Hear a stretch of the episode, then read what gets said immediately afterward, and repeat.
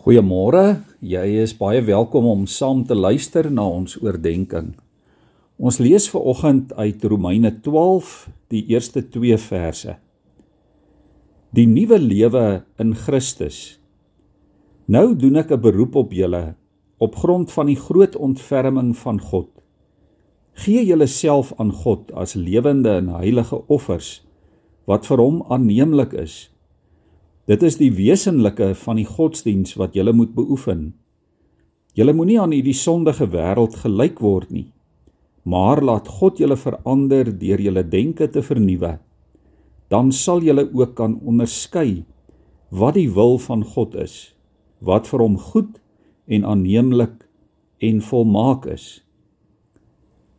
Liewe vriende, Paulus roep ons as gelowiges hier op om te offer En onmiddellik wanneer ons dit hoor, wil jy en ek daarop reageer en sê: "Nee, offers is mos iets wat hoort by die Ou Testament.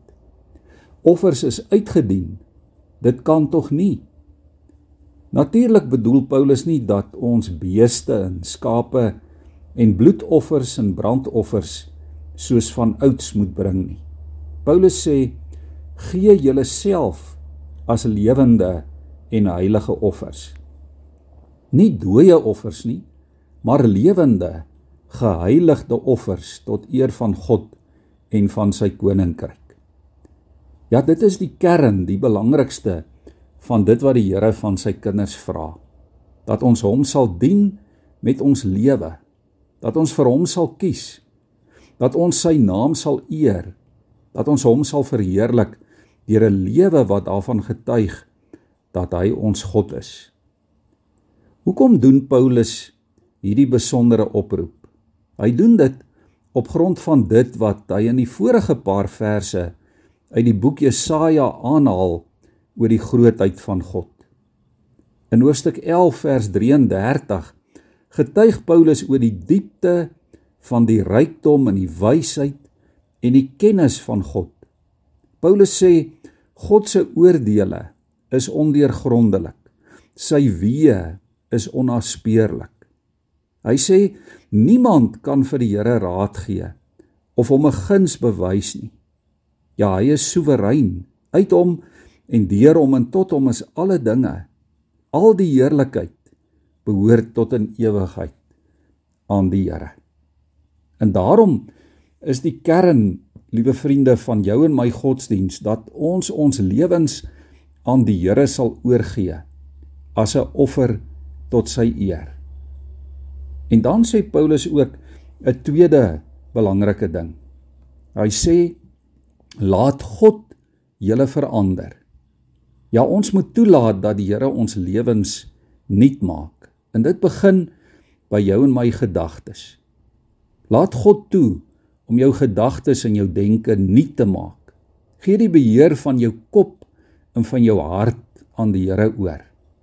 Laat sy gees toe om jou gees te beheer. Dan sal jy weet wat sy wil vir jou lewe is.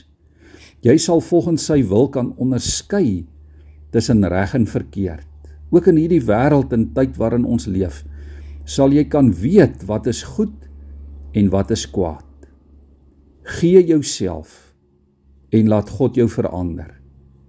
Offer jouself sodat God se gees jou lewe kan kan beheer en kan regeer en jy God se wil kan ken en daarvolgens kan lewe.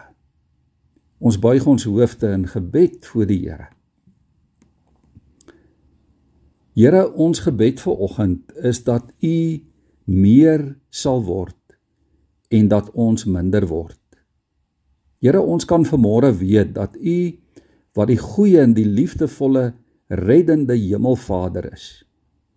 Dat U het net die goeie, net die beste vir U kinders en vir die wêreld in gedagte. Maar Here, dit is net deur minder te word dat ons U wil vir ons lewe kan leer ken. En daarom is ons gebed, kom verander ons. Kom maak ons harte nuut deur U Gees. Here, ons gee onsself aan U as lewende en heilige offers tot die eer van u naam. Amen.